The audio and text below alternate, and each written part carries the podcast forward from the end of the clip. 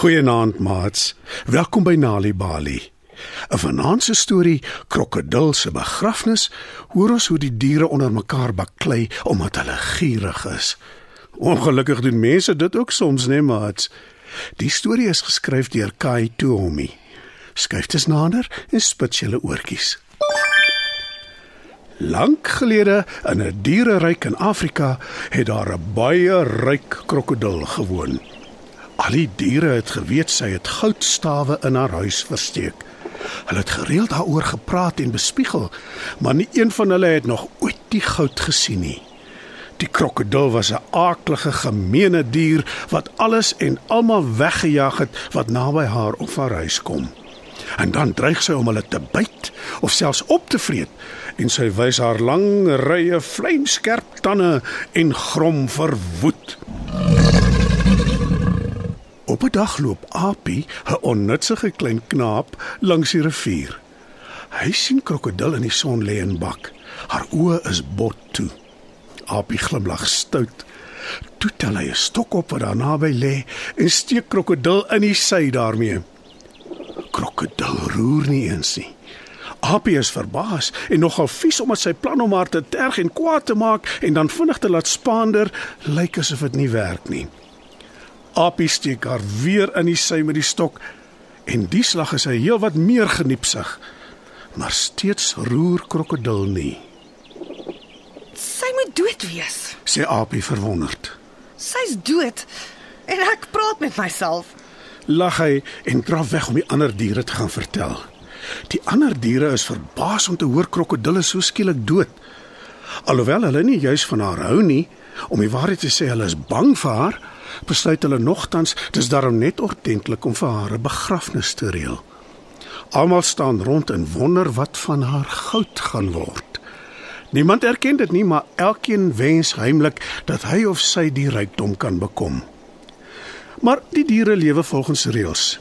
En die reëls bepaal dat haar familie haar goed moet erf. Maar dit is dan juis die probleem. Niemand weet waar krokodil se familie bly nie. Die wyse ou skilpad roep toe maar 'n vergadering op die rivieroewer om die aangeleentheid te bespreek. Nadat skilpad die vergadering geopen het, vra hy die diere om hulle menings te gee. Eerste aan die beurt is 'n pragtige kleurvolle voeltjie. Ek is seker ek is een van die min familielede van ons moederkrokodil wat nog lewe. Dis dink ek ek moet die goud kry. Die ander diere is verbaas oor die uitlating en mor onder mekaar. Toe sê 'n tweede voeltjie net so mooi en kleurvol soos die vorige een. Krokodil was wel nou nie so mooi soos ons nie, maar sy het darm eiers gelê soos ons, al was dit in die sand. Ons verdien beslis haar goud. Die ander diere is woedend en roep te gelyk uit. Nee!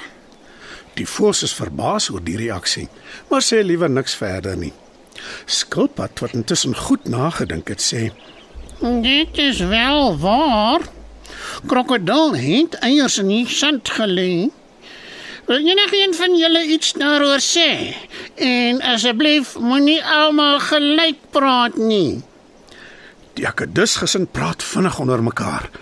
Hulle wys na die grootste, vetste en volgens hulle slimste akedus. Hy loop vorentoe, maak keel skoon en sê: Die voëls praat absolute nonsens. Hy kyk uitdagend om hom rond na die opmerking, maar geen dier sê 'n woord nie. Toe gaan hy voort. Daar is nou wel van ons wat kleintjies lewendig in die wêreld inbring, maar daar is ook akedisse wat eiers lê, nes krokodil gedoen het. Ons is ook reptiele. Kyk maar net na die skubbe op ons lywe. Dis nes krokodilsin. As enige een van die diere die goud verdien, is dit ons. Nou is al die ander diere wild en hulle skree hard. Nee! Die akedus kyk nog 'n slag uitdagend rond en toe loop hy terug na sy familie toe. Mm, dis ook baie waar. Sê die wyse ou skilpad. Krokodil het inderdaad skubbe gehad.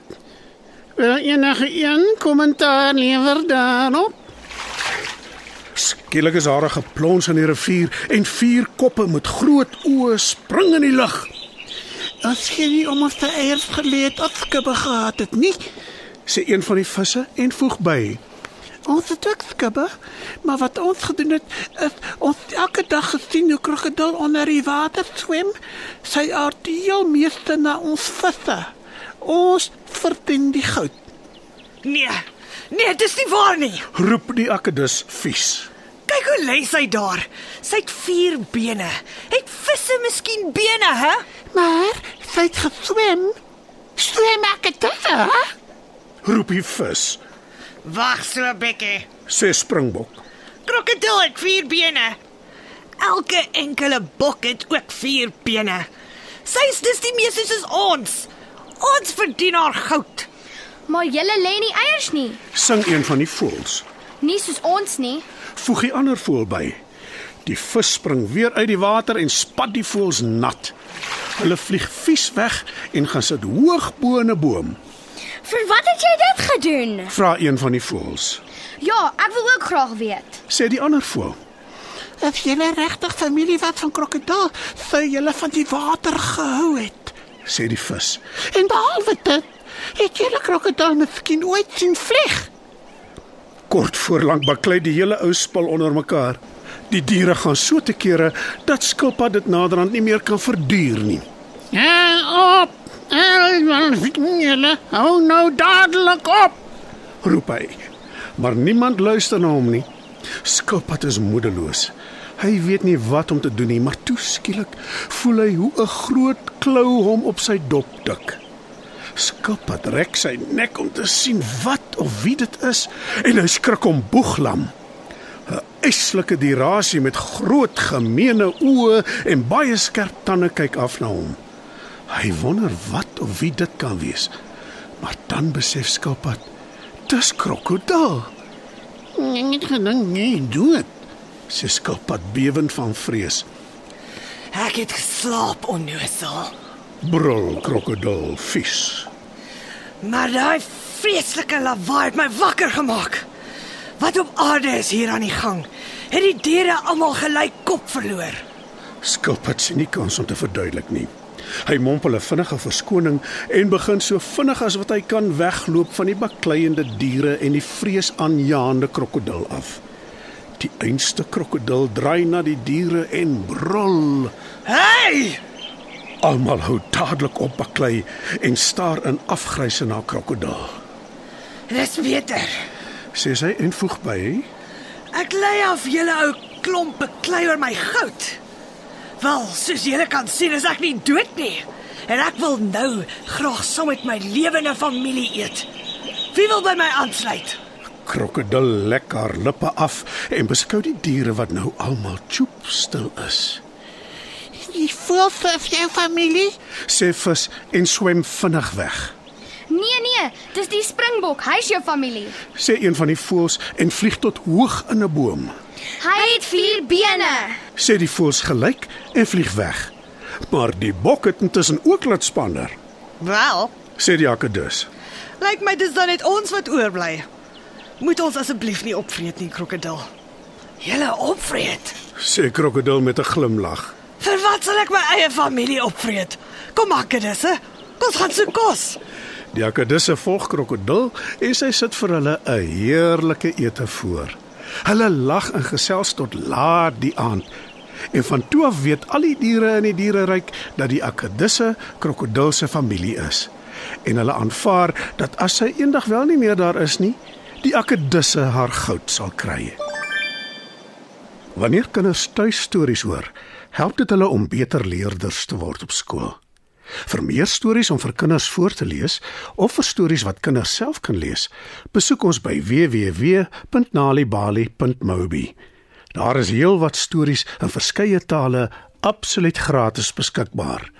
Daar is ook wenke oor hoe om stories vir kinders te lees en met hulle te deel sodat hulle hulle volle potensiaal kan ontwikkel. Nalibali is ook op Facebook. En daar is Nalibali stories en aktiwiteite in bylaas van koerante. Story Power. Bring dit huis toe.